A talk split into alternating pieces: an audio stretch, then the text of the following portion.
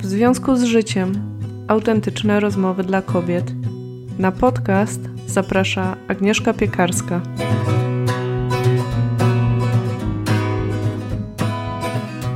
Witam Cię serdecznie w 79. odcinku podcastu. Dziś będzie solo, po odcinku o książkach na temat wysokiej wrażliwości, który był takim solo eksperymentem. Otrzymałam od Was sporo fajnych wiadomości, także nie za często, ale od czasu do czasu takie odcinki będą się pojawiać. I to zależy tak naprawdę od tematu, bo dziś chciałabym poruszyć temat, który siedzi w mojej głowie już od kilku lat, a konkretnie od czasu, gdy wyemigrowałam z Polski. Z rozmów z Wami wiem, że to jest temat, który nas szerzej dotyczy a który moim zdaniem, choć jeśli po wysłuchaniu tego odcinka uznasz inaczej, to koniecznie mi o tym napisz. W każdym razie ja uważam, że nie jest on zbyt często poruszany. I dlatego postanowiłam nagrać ten odcinek. I zanim przejdę konkretnie do tematu, to już teraz bardzo serdecznie zapraszam Cię do dalszej rozmowy. Pamiętaj, że komentarz możesz zostawić na stronie odcinka w związku z życiem.pl łamane przez odcinek 79 lub napisać do mnie mailowo czy na Instagramie. Moje konto to Agnieszka, trzy podkreślniki piekarska. Jestem i publikuję przede wszystkim na story codziennie od poniedziałku do piątku, bo uważam, że przerwa od social mediów y, jest kluczowa dla zdrowia psychicznego, zwłaszcza dla twórców, ale dla odbiorców też. Okej, okay, to co to za dzisiejszy temat? Chciałabym dziś opowiedzieć o samotności, a raczej najlepszym na świecie antidotum na samotność, czyli o przyjaźni. I od razu powiem, że temat samotności jest moim zdaniem tematem do przepracowania. To nie jest tak, że tłum ludzi w Twoim czy moim życiu, czy jakakolwiek konkretna osoba jest w stanie, powiedzmy, wypełnić coś, czego nam w samych sobie brakuje. Ja zgadzam się mocno z tym, być może trywialnym powiedzeniem o byciu przyjaciółką dla samej siebie. To jest świetna podstawa, nad którą naprawdę warto pracować choćby na psychoterapii, ale jednocześnie uważam, że myślenie o tym, że jesteśmy lub kiedykolwiek moglibyśmy się stać samowystarczalnymi wyspami jest iluzją. I to w dodatku, moim zdaniem, niebezpieczną iluzją bo jesteśmy bardzo społeczni, potrzebujemy siebie nawzajem. I pamiętam, jak y, dr Gabor Mate, lekarz zajmujący się tematami traumy i uzależnień, o którym już kiedyś myślę, że nieraz opowiadałam, ale w jednym odcinku szczególnie, będzie link w notatkach, rozpoczął swoje warsztaty w Londynie, na których miałam przyjemność brać udział, od stwierdzenia, że żyjemy w relacjach. W relacjach ze sobą nawzajem, w relacjach z przyrodą, w relacjach z naszymi przodkami zawsze jest jakiś kontekst właśnie tych relacji w naszym życiu i nasze uleczenie, bo tu akurat przy okazji traumy mówiliśmy, tak, czy on mówił o uleczeniu, też jest możliwe tylko w relacjach. I tu odnosił się też dalej do relacji terapeuta-pacjent, która tak naprawdę ma ten główny czynnik wyzwalający w nas transformację, zmianę, leczenie. I swoją drogą ja sama spotkałam się z takim powiedzeniem, kiedy pierwszy raz wybrałam się na terapię w Irlandii, że terapia to jest prostytucja przyjaźni. Kiedyś się z tym zgadzałam, dzisiaj widzę to trochę inaczej, bo jednak w terapii wszystko jest ukierunkowane na nas. To są takie trochę sztuczne warunki, a przyjaźń jest y, dwustronna. I dla mnie relacje przyjacielskie są jednymi z najbardziej życiodajnych relacji, i myślę, że mało kto się ze mną tutaj oczywiście nie zgodzi, Choć umówmy się, że nie jest tak, że przyjaźń to są tylko miłe fajerwerki, bo w długotrwałej przyjaźni zdarzają się też trudne momenty i tu od razu też chciałabym zaznaczyć, że ja nie jestem specjalistą od przyjaźni. Ba, nawet kilka moich przyjacielskich relacji nie przetrwało próby czasu, miejsca, zmiany życiowych wartości. O ile staram się temu oczywiście uważnie przyglądać, czy można było coś zrobić inaczej, albo czy lepiej czegoś byłoby nie robić już dużo wcześniej, o tyle właśnie te rozstania utwierdzają mnie w przekonaniu, że taka tu biorę w mocny cudzysłów umiejętność znajdowania nowych przyjaciół jest kluczową kompetencją. I wiem, że to słowo brzmi strasznie, jest takie jak z korporacji, ale myślę sobie, że oddaje też trochę sposób, w jaki myślę o całym tym temacie, co jest ważne dla tego odcinka. I tu od razu chciałabym powiedzieć, zachęcam Cię do bycia otwartą na to, co mówię, choć mam absolutną świadomość, że to może być trochę dziwne, może brzmieć trochę dziwnie. Na koniec y, nie musimy się ze sobą ani trochę zgadzać, i ja też jestem bardzo ciekawa Twojego punktu widzenia. W każdym razie, dzisiaj właśnie o tej umiejętności chciałabym opowiedzieć i powiem tak. Ta umiejętność z jednej strony jest trochę w mojej naturze akurat, a z drugiej musiałam się w pewnym momencie swojego życia bardzo mocno jej przyjrzeć i przełamać dużo w sobie, aby ją na nowo wyzwolić. I o ile o przyjaźni powstał już kiedyś odcinek podcastu, też będzie link w notatkach, to ja mam ciągle bardzo duży niedosyt tego tematu. Dlatego, że bardzo często w naszych rozmowach, mam na myśli moje rozmowy z Wami, słuchaczkami, przewija się wątek, który można by podsumować tak. Słuchaj, ja się zmieniłam, a moi przyjaciele nie. Już nam jest po prostu nie po drodze. Co mogę z tym zrobić? I jak? I przede wszystkim, gdzie mogę poznać nowych przyjaciół w dorosłym życiu. Albo drugi scenariusz. Ja wyjechałam w nowe miejsce przez moją pracę lub partnera i potrzebuję nowych przyjaciół w tym miejscu tylko jak i właściwie gdzie ich poznać, bo wiem, że nie poznam ich w pracy ani w innym miejscu, gdzie do tej pory naturalnie ich poznawałam.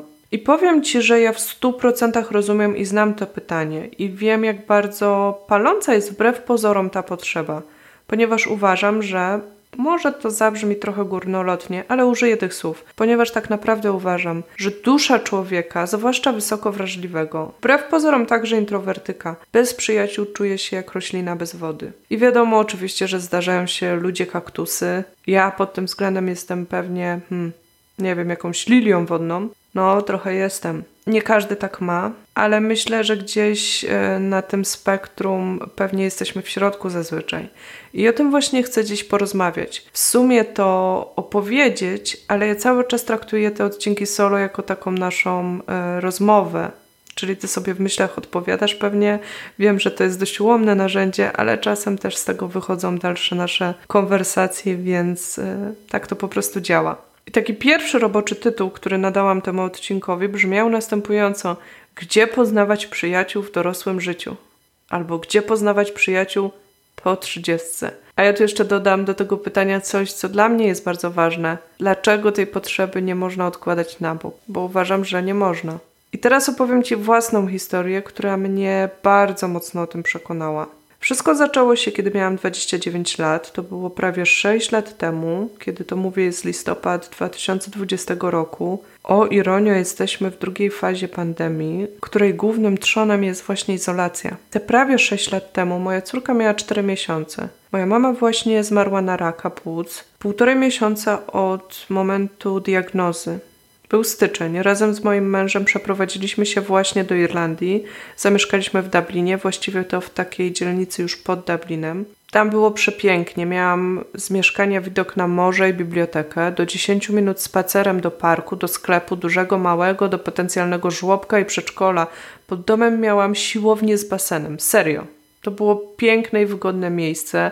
Autobus z lotniska zatrzymywał się dosłownie pod bramą naszego mieszkania. I kiedy tam zamieszkałam, to ja często żartowałam, że nie ruszam się z tego miejsca przez następne 30 lat. A swoją drogą musiałam wyjechać już półtorej roku później, ale to jest zupełnie inny temat. W każdym razie powiem Ci szczerze, że nawet pomimo tej irlandzkiej pogody, to mi się tam bardzo podobało i dobrze się tam czułam. Znałam język, choć powiedzmy sobie, że na miejscu poznawałam taki język potoczny, ale jednak bardziej szlifowałam ten mój angielski, więc uczyłam się przez książki, rozmowy, to była już ta przyjemna część nauki języka. Problem w gruncie rzeczy był tylko jeden. Czułam się ekstremalnie samotna. I tu oczywiście można powiedzieć, że miałam przy sobie nowonarodzone dziecko i męża, no bo faktycznie tak było. Powiem więcej, na początku to miałam nawet teściową w bonusie. Tylko każdy, kto miał przy sobie nowonarodzone dziecko wie, jak to jest. A mój mąż wychodził do pracy o godzinie 8 i wracał do domu przed godziną 19. No i byłam w żałobie, w zasadzie jeszcze w szoku po tym, co się stało. Każdy, kto miał w rodzinie osobę chorą na nowotwór, to myślę, że niestety wie, jaka to jest paskudna choroba i jak boleśne jest e, też patrzenie na bliską osobę, która odchodzi w ten sposób. Także mm, w tym wszystkim jest jeszcze mieszanka nadziei, póki ta osoba żyje, i bezradności, która absolutnie obezwładnia, i to też miało wpływ na mój stan.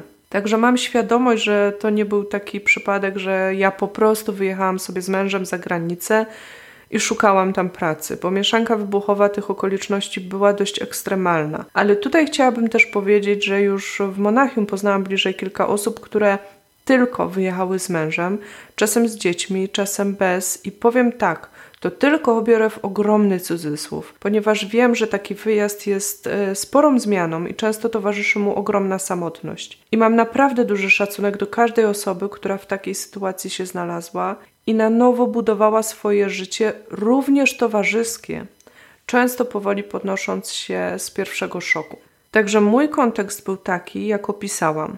I w tamtej sytuacji bardzo potrzebowałam przyjaciół oraz znajomych. Bo z jednej strony takie codzienne siedzenie z dzieckiem w domu było dla mnie no po prostu ekstremalnie nudne, ale w całej tej historii zmiany potrzebowałam też serdecznych przyjaciół. Oczywiście przyjaźnie nie buduje się w tydzień, wiadomo, że do zaufanej relacji potrzeba czasu. Choć emigracja akurat bardzo zbliża ludzi. Tak jak myślę, zbliżają też tragedie życiowe, tylko, że akurat nie zawsze jest to coś, co jest taką zdrową podstawą relacji. I teraz możesz e, mieć też takie pytanie w swojej głowie: no, co się stało z moimi dotychczasowymi przyjaciółmi? Oni mieli po prostu swoje życia w Polsce i niespecjalnie dało się to jakoś połączyć na odległość. Można by powiedzieć, e, no to co to za przyjaciele? No, trochę do to przyjaciele, przyznaję, ale muszę od razu też powiedzieć, że jeśli mnie słuchacie, to zwracam się do moich przyjaciół, nie mam żalu. Już nie mam, bo trochę przez takie żal złość przechodziłam wtedy. Natomiast to, czego się nauczyłam wtedy, i o czym akurat trochę już mówiłam kiedyś w odcinku na temat przyjaźni, to to, że pewni ludzie są w naszym życiu na jakiś czas, i to jest ok. Z drugiej strony są i takie przyjaźnie w życiu, które potrafią być nieaktywne też na co dzień, ale głęboka więź pozostaje i można spotkać się raz na rok i czuć się ze sobą bardzo blisko. Tylko, że takie spotkania raz na rok mogą nie wystarczać. Mi to przynajmniej nie wystarczało. Ja nie chciałam żyć od odwiedzin do odwiedzin, bo one były rzadkie. Chciałam żyć tam, gdzie żyłam i mieć ludzi, z którymi mogłabym iść na kawę, pogadać. I tu muszę powiedzieć, że wtedy nie miałam świadomości, czy może bardziej nie znałam pojęcia wysokiej wrażliwości. Dlatego nie umiałam sobie jakoś tego wewnętrznie poukładać. Zastanawiałam się czasem, no co ze mną jest nie tak. Normalni, znowu tu biorę w cudzysłów słowo normalni, ludzie potrafią iść gdzieś, nie wiem, na spotkanie matek, pogadać sobie, nie rozkminiać tak non-stop. Albo pośmieją się ze sprzedawczynią i jest ok. A ja od razu potrzebuję jakichś głębszych rozmów, wchodzę w szczegóły, przejmuję się. No co ze mną jest nie tak? I teraz wiem, że wszystko jest ze mną ok, mi takie myślenie wtedy nie służyło i nigdy nie służy, bo kompletnie blokowało mnie na moje własne potrzeby, czy jeszcze doprowadzało do konfliktów wewnętrznych. A z jednej strony potrzebowałam rozmawiać głęboko, a z drugiej uważałam, że to jest nieakceptowalne, że ludzie tego nie lubią.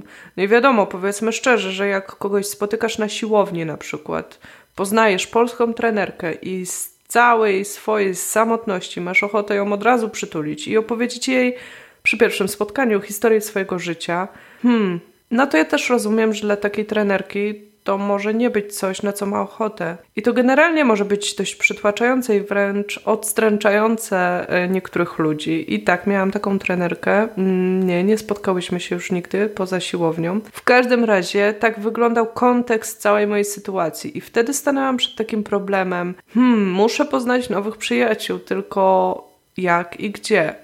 I jak to się robi. Bo wcale nie miałam ochoty na takie uruchamianie pokładów e, swojej ekstrawertycznej części, którą być może miewam, ale kiedy jestem w otoczeniu bliskich mi osób. A tych osób właśnie nie miałam i musiałam je znaleźć. Do tamtej pory ci ludzie pojawiali się w moim życiu naturalnie. W szkole, na imprezach u znajomych, potem w pracy, ale teraz byłam od tego wszystkiego odcięta. Próbowałam oczywiście tak zagarnąć ludzi z pracy mojego męża, ale to był bardzo kiepski pomysł, bo mój mąż e, mocno oddziela te dwie rzeczy. Na szczęście jakimś cudem miałam jedną koleżankę z pracy jeszcze z Wrocławia, która mieszkała w Dublinie i faktycznie tak po nitce do kłębka ona nawet zaprosiła mnie na imprezę, na której byli ludzie z jej pracy i ja tam poznałam kolejne osoby, za które do dziś jestem bardzo wdzięczna, bo można powiedzieć na tamten moment y, jakoś się związaliśmy. No ale powiedzmy szczerze, wybór był mocno ograniczony, więc cały czas czułam, że mam problem i muszę go rozwiązać, bo inaczej po prostu zwariuję. I pamiętam, jak pewnego dnia mój mąż wrócił z pracy, on zajmował się afiliacją w dużej firmie internetowej i powiedział mi wtedy o Tinderze. I powiem szczerze, nigdy wcześniej o Tinderze nie słyszałam. On chyba też nie, bo w innym przypadku by mi tego tak nie zareklamował, myślę. W każdym razie, jak usłyszałam, że jest aplikacja, że ludzie się spotykają w okolicy, no to byłam zachwycona. Od razu ją ściągnęłam, zarejestrowałam się, zaczęłam przeglądać i zdziwiło mnie trochę to, że tam byli sami faceci. No ale dogrzebałam się w ustawieniach, jak można by to zmienić. E, zmieniłam, że szukam kobiet i pojawiły się kobiety, tylko te kobiety miały na zdjęciach takie, hmm, dziwne, no wiecie, takie wyuzdane pozy. I wtedy uświadomiłam sobie, o jakie spotkania chodzi. Także Tinder nie wchodził w grę. Powiem szczerze, z jednej strony się nawet yy, wtedy zdołowałam i zezłościłam, że jeśli chodzi o relacje, to ten problem poznawania kolegów, koleżanek jest taki marginalizowany że apki randkowe są powszechne, a takie do szukania przyjaciół, czyli bardziej ludzi do pogadania na jakiś inny temat niż pieluchy w moim przypadku wtedy, nie ma. Dlatego wpadłam wtedy na pomysł, że hmm, sama zrobię taką apkę. Wystąpiłam o dotację, której nie dostałam, bo jednak pomysł to było trochę za mało. Tak sobie to tłumaczę. I wiem, że są takie apki, e, bo robiłam wtedy research pod mój własny projekt, e, plus sama aktywnie szukałam czegoś takiego. Nawet się do tej takiej jednej e, aplikacji zapisałam, ale znowu pojawił się w niej jakiś facet. Nie było za wielu ludzi i dałam spokój. I to też jest ciekawe, bo z jednej strony miałam potrzebę, a z drugiej załatwienie jej w taki sposób był dla mnie, mm, powiem szczerze, budził opór. Choć temat ze mną pozostał i jak widać, jest ciągle żywy. Dlatego, że wiedziałam jedno, że przeprowadzki będą się zawsze wiązały z tym problemem. Moje przeprowadzki czy moich nowych przyjaciół ponieważ większość ludzi, których w końcu poznałam w Dublinie, poszłam w tym celu do szkoły językowej, to byli ludzie, którzy chcieli z niego mm, wyjechać. Także wisiało nade mną takie poczucie, że te znajomości mogą być tymczasowe. I nawet jak w jednym miejscu poznam ludzi, to w kolejnym będę musiała na nowo to budować. Co się zresztą stało, bo po półtorej roku przenieśliśmy się do Monachium. I powiem Ci szczerze, że nawet mówiąc te słowa teraz, czuję lekki niepokój na myśl o tym, że kiedyś znowu się wyprowadzę i to będzie dla mnie znowu temat.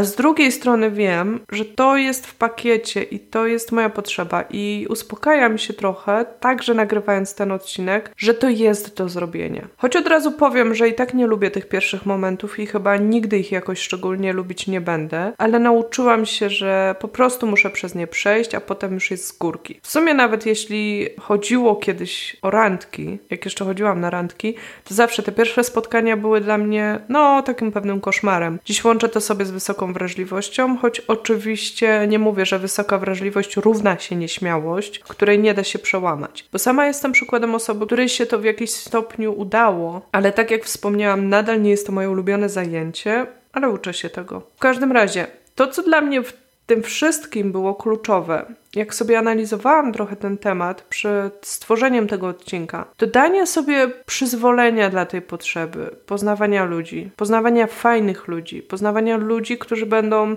nadawać na tych samych falach, w domyśle też pewnie wysoko wrażliwych, poznawania ludzi, którzy też chcą poznawać ludzi. To znaczy, tu jest taki paradoks, bo z jednej strony, jak myślę sobie, że chcę poznawać wysoko wrażliwe osoby, to być może to nie będą te super ekstrawertyczne osoby, które wykonają ten pierwszy krok krok, czyli ktoś musi się przełamać, a z drugiej strony, mówiąc o tym, że chcę poznawać ludzi, którzy też chcą poznawać ludzi, chodzi mi o to, że nie każdy w danym momencie swojego życia potrzebuję poznawać nowych ludzi. I dla mnie powiedzenie sobie, że jest to dla mnie coś super ważnego. Tak jak chcę jeść zdrowo, tak samo chcę się otaczać ludźmi, z którymi mam bliskie, zaufane relacje, że to jest jedna z moich podstaw zdrowia psychicznego i muszę o to dbać. I tutaj też mocno potrzebowałam się nauczyć czegoś, czego powoli się uczę, czyli akceptowania, że nie każda nowo poznana osoba będzie się, hmm, powiedzmy, mieściła w tych moich kryteriach albo preferencjach. Kurczę, mam świadomość, że hmm, to wchodzi na taki zdehumanizowany język, ale pozwólmy sobie na takie coś, na potrzebę analizy, ok? W każdym razie, jeśli chodzi o tę akceptację, to oznaczało to dla mnie pozwolenie na to, że w grę wchodzi też statystyka, czyli zazwyczaj potrzeba poznawać więcej ludzi niż faktycznie finalnie znajdzie się w moim życiu na dłużej. I to pomimo całej swojej straszności tego, że oznacza to wiele różnych spotkań, trochę rozstań, trochę takich pomyłkowych kawek, co trochę mnie przerażało, to jest finalnie do zaakceptowania, bo ja tych ludzi w swoim życiu bardzo potrzebuję. Lubię opowiadać tę historię z Tinderem, bo ona jest w gruncie rzeczy zabawna, choć tak naprawdę pokazuje poziom mojej hmm, desperacji, a ładniej mówiąc, jak wielka to była dla mnie potrzeba i też niezrozumienia, które są oczywiście bardzo ludzkie, a wiadomo, że nic co ludzkie nie jest nam obce, tak? Mam też drugą historię z tego gatunku. Tak jak już mówiłam, mieszkałam naprzeciwko pięknej, nowej, dużej biblioteki. O, mówię o tym z takim rozmarzeniem, bo to była, no, to była naprawdę biblioteka z prawdziwego zdarzenia. E, ja nigdy nie widziałam wcześniej takiej biblioteki w Polsce, a generalnie kocham biblioteki. To była taka biblioteka, w której było oczywiście wiele książek, ale było też miejsce do posiedzenia, była duża sala z komputerami, gdzie można było popracować. Ona miała kilka pięter i na jednym z tych pięter były też takie małe salki do spotkań i warsztatów. W takich warsztatach oczywiście też brałam udział i tak, oczywiście starałam się tam poznać moich nowych potencjalnych przyjaciół.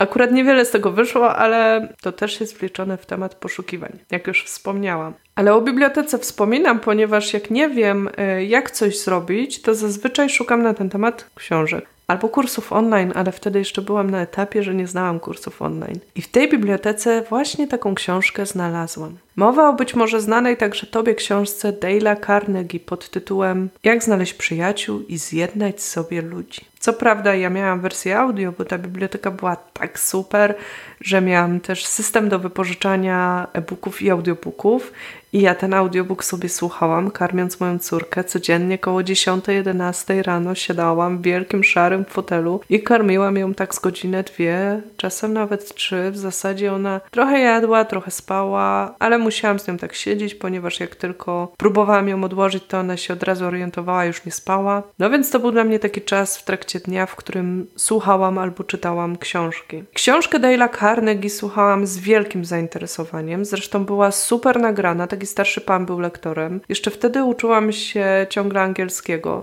To znaczy ciągle się uczę, ale te 6 lat temu byłam jednak na innym poziomie. I pamiętam, że nie mogłam zrozumieć, o co temu panu chodziło. Raz na jakiś czas pojawiało się takie powiedzenie in the nutshell. I ja sobie wtedy myślałam, o jakie orzechy mu chodzi? A wracając do książki i jej treści. Chciałabym o niej opowiedzieć, ponieważ e, to jest ciągle bardzo popularna książka. Tak myślę, bo spotykam ją regularnie to tu, to tam. Myślę o księgarniach głównie internetowych, co moim zdaniem pokazuje, że temat jest w przestrzeni i jest potrzeba. A powiem szczerze, że nie kojarzę innej książki, która by ten temat poruszała. I nawet jak prawie, że przed chwilą, przygotowując się do tego odcinka, aby sprawdzić dokładny tytuł tej książki, wpisałam w Google, to znalazłam przy okazji taką krótką recenzję, którą się z Tobą podzielę teraz. Ta książka ułatwi Ci swobodne poruszanie się w biznesie. Przyda Ci się w życiu rodzinnym i towarzyskim. Każda rada w niej zawarta wydaje się oczywista. I w sumie to trawna recenzja, tylko powiem szczerze, że tłumaczenie na język polski tytułu nie do końca jest trafione, bo w języku angielskim to brzmi tak: How to win friends and influence people, czyli bardziej poradnik dla influencerów niż samotnych dusz. I tak trochę jest. Ale ja wtedy przeczytałam tę książkę tak na serio, jako pomoc w tym moim problemie, czyli samotności. No i robiłam e, sobie nawet bardzo skrupulatne notatki, bo jak się uczę serio, no to robię zawsze notatki. Nawet ostatnio znalazłam kopertę, w której je trzymałam. Pomyślałam sobie, a może coś tu zacytuję dzisiaj z tej książki, ale nie da się. Nie są to rady, które pomogłyby zbudować ci siatkę wiernych i zaufanych przyjaciół, z którymi można konie kraść. To raczej taka książka, która przekona cię, że jak chcesz poznać przyjaciół, to musisz być super miła dla innych i słuchać ich, przytakiwać, a wtedy ich w cudzysłowie zdobędziesz. No i tak to działa. Sama czasem się zastanawiam, czy po tym jak ją przeczytałam jakoś podświadomie, może nie utwierdziłam się w przekonaniu, że po prostu muszę być dla innych miła, bo inaczej ta samotność i panicja mnie czeka. No po prostu Robinson Crusoe. A przecież to, czego oczekujemy od przyjaciół, to właśnie to, aby móc być przy nich tak naprawdę naprawdę sobą i mieć w przyjaźni przestrzeń także dla siebie w całej okazałości, a nie tylko w tym miłym fragmencie. Dobra, opowiedziałam Ci kilka trudnych historii z Dublina, to teraz czas na happy end, który faktycznie nastąpił. Jak dobrze wiesz, a jak nie wiesz, to właśnie ten moment, abyś się dowiedziała. Od ponad czterech lat mieszkam w Monachium. Z Dublina musieliśmy się wyprowadzić jak zawsze ze względu na pracę mojego męża i wtedy mój problem pod tytułem samotność w nowym mieście pojawił się,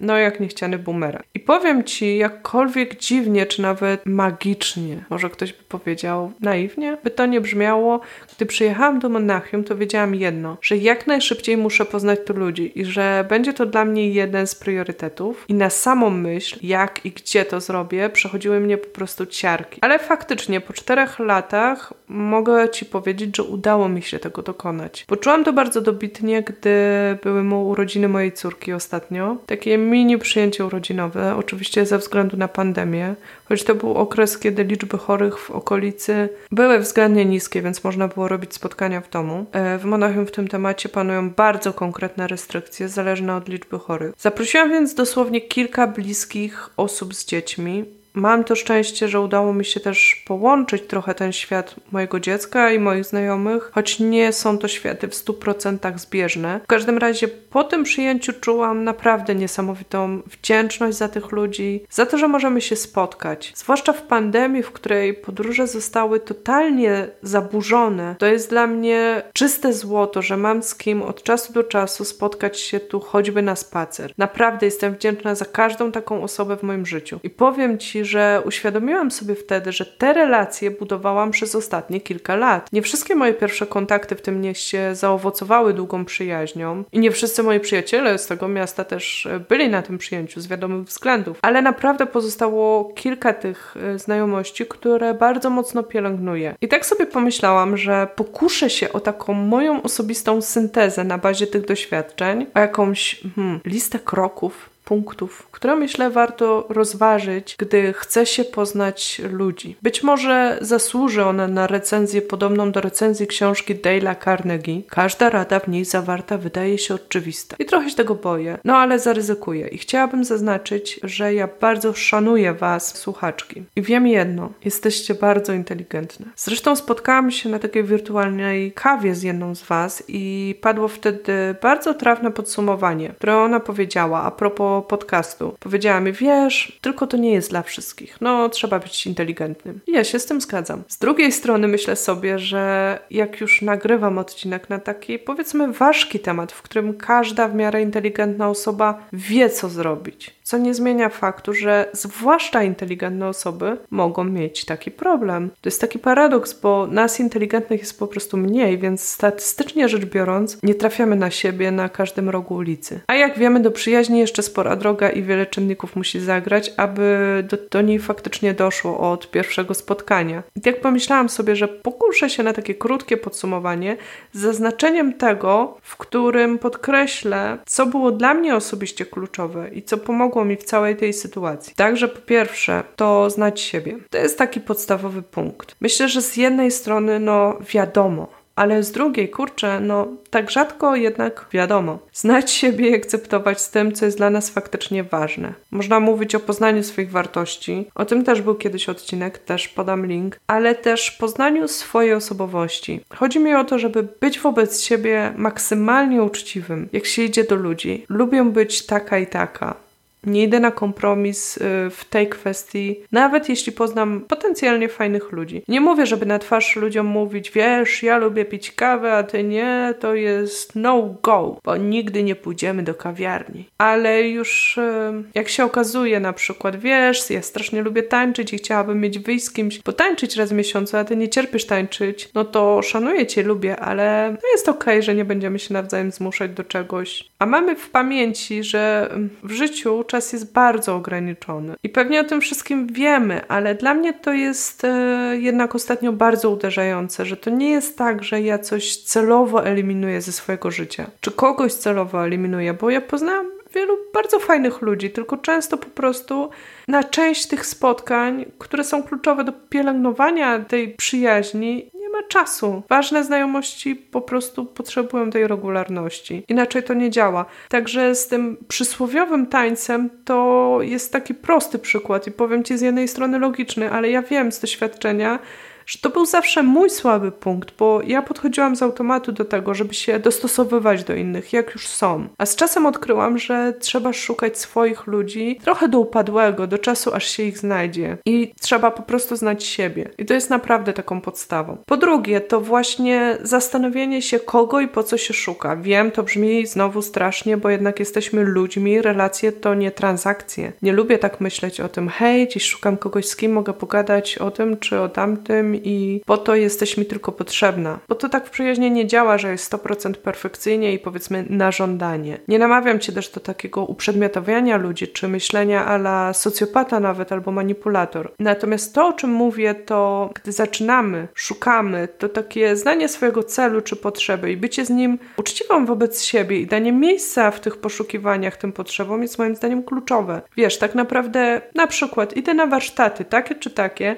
aby się czegoś nauczyć oczywiście, ale także idea, aby poznać kogoś, kto mieszka w okolicy, ma od czasu do czasu ochotę się spotkać i potencjalnie jest kandydatką na przyjaciółkę. To się oczywiście z czasem też okaże. I to zmienia zupełnie nastawienie i pomaga działać, bo jak ja znam swoje intencje, to działam, aby je zaspokajać, wdrażać w życie tak aktywnie i tak świadomie, a nie czekam biernie, czy życie samo zadziała, aby mi je spełnić, albo robię jedno, a podświadomie liczę, że zadzieje się drugie. I na koniec nie wiem, czy czemu sama jestem wkurzona. Tak akurat ja często miewałam. I myślę, że tak samo jak idziesz e, do piekarni po bułki, bo jesteś głodna, tak możesz traktować na przykład warsztaty zlepienia gliny, e, jak miejsce nie tylko szkoleniowe, ale także do znalezienia potencjalnych przyjaciół. Ja wielu fantastycznych ludzi poznałam właśnie w takich, powiedzmy, szeroko grupach zainteresowań czy na kursach. Oczywiście, jeśli chcesz i masz taką potrzebę, bo być może nie, i ktoś przyjdzie ze 100% celem właśnie w tym, że chce się dowiedzieć wszystkiego o glinie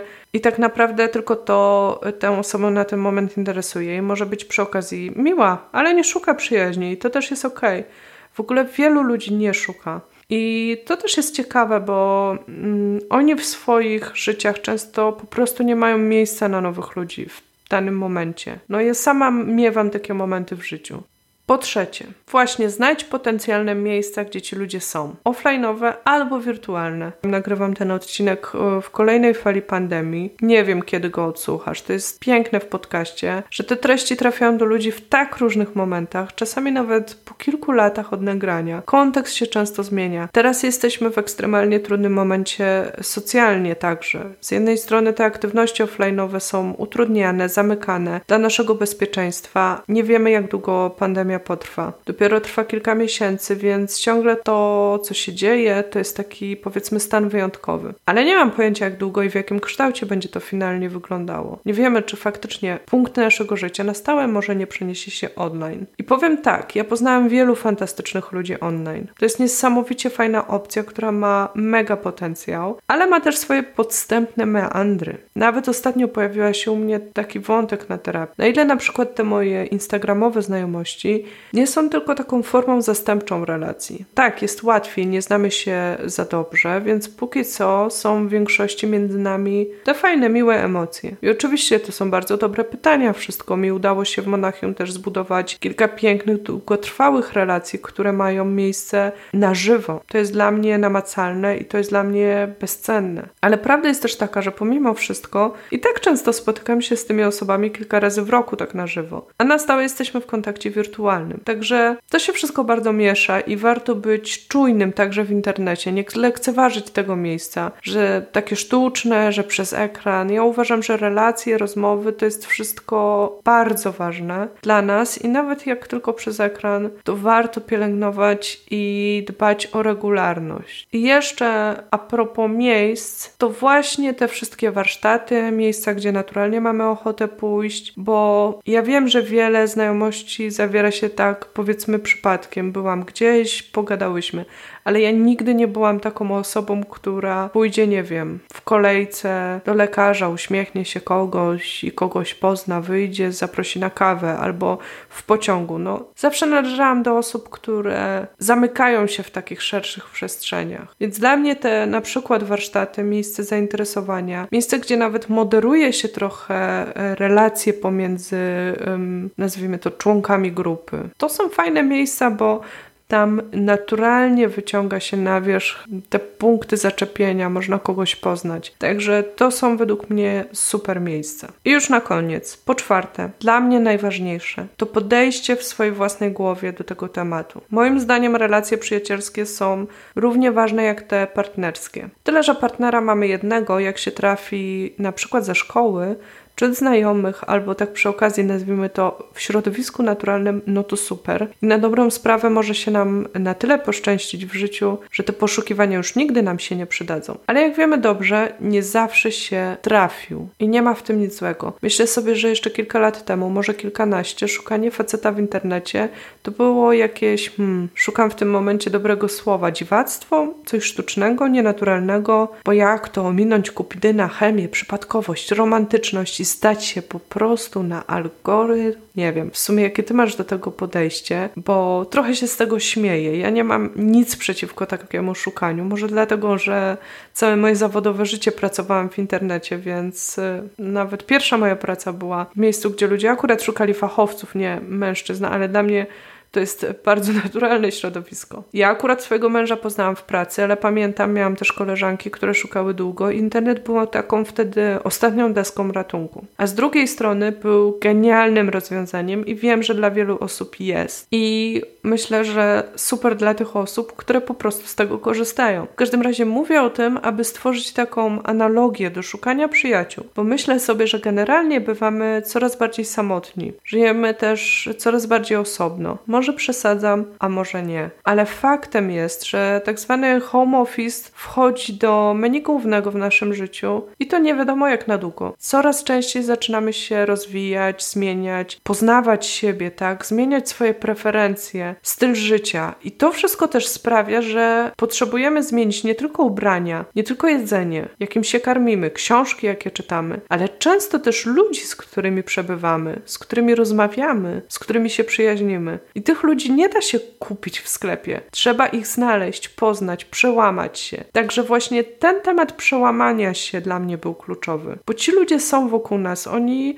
dosłownie czekają tak jak ty czekasz, ja czekałam, nadal pewnie czekam często tych ludzi jest pod dostatkiem. Potrzebujemy się po prostu odnaleźć. I myślę sobie, że gdybym miała jednym zdaniem podsumować, czy opisać intencję stojącą za nagraniem dzisiejszego odcinka, to byłoby właśnie takie przesłanie. Wiem, duże słowo, może wchodzę na niebezpieczną ambonę, ale powiem może bardziej dosadnie. Takie poklepanie po ramieniu, czy nawet szturchnięcie, że mamy prawo aktywnie szukać przyjaciół. I te poszukiwania nie zawsze będą takie łatwe, miłe i przyjemne. Nie zawsze będą naturalne, jak nam się to kojarzy. Czasem będziemy potrzebować zagadać, przełamać się, pójść gdzieś do grupy osób, porozmawiać z kimś obok, zaryzykować, że pomyśli, że jesteśmy zwariowanymi wariatkami. W tym jestem akurat dobra, byciu w taką wariatką. I przełknąć takie mikroodrzucenia. I nawet jak o tym mówię, to mam z tyłu głowy taką myśl, hmm, dorośli ludzie nie mają z tym problemu. Ale powiem wprost, ja miałam z tym problem, miewam, nie lubię tego zagadywania,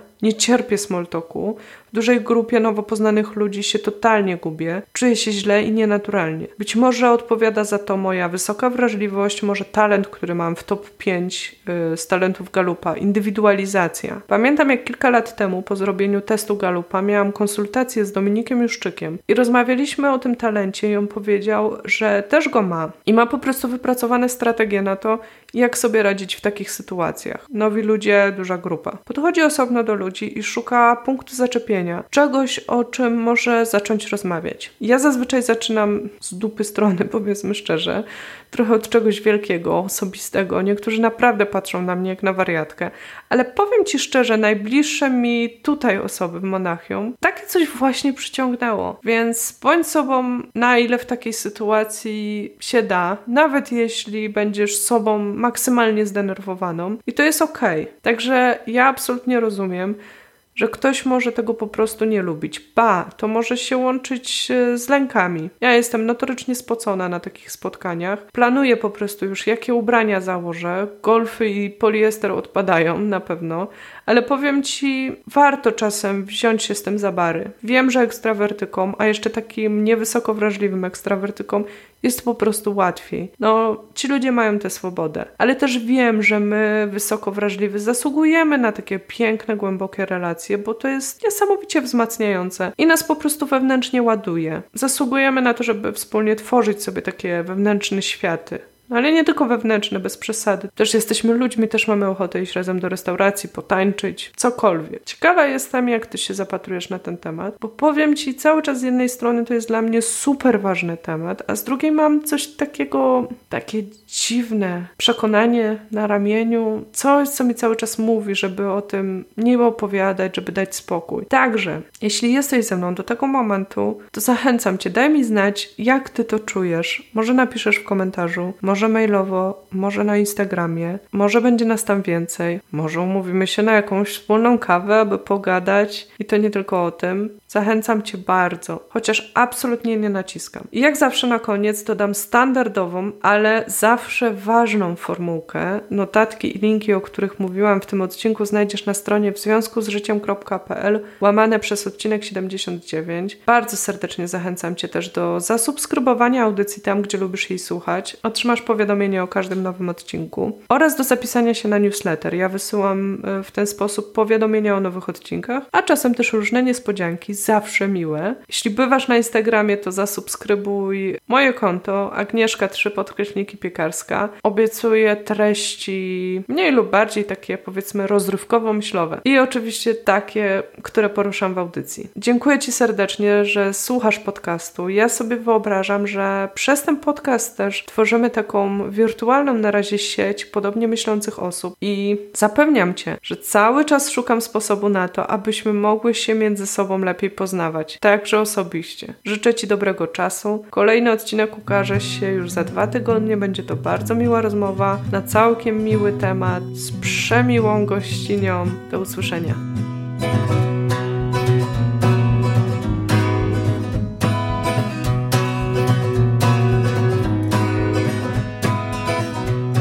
And rocks they bind me to the soil.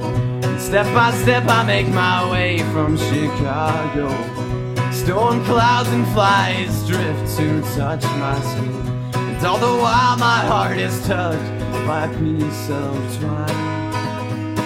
It's not entangled for mine. Be the ground beneath my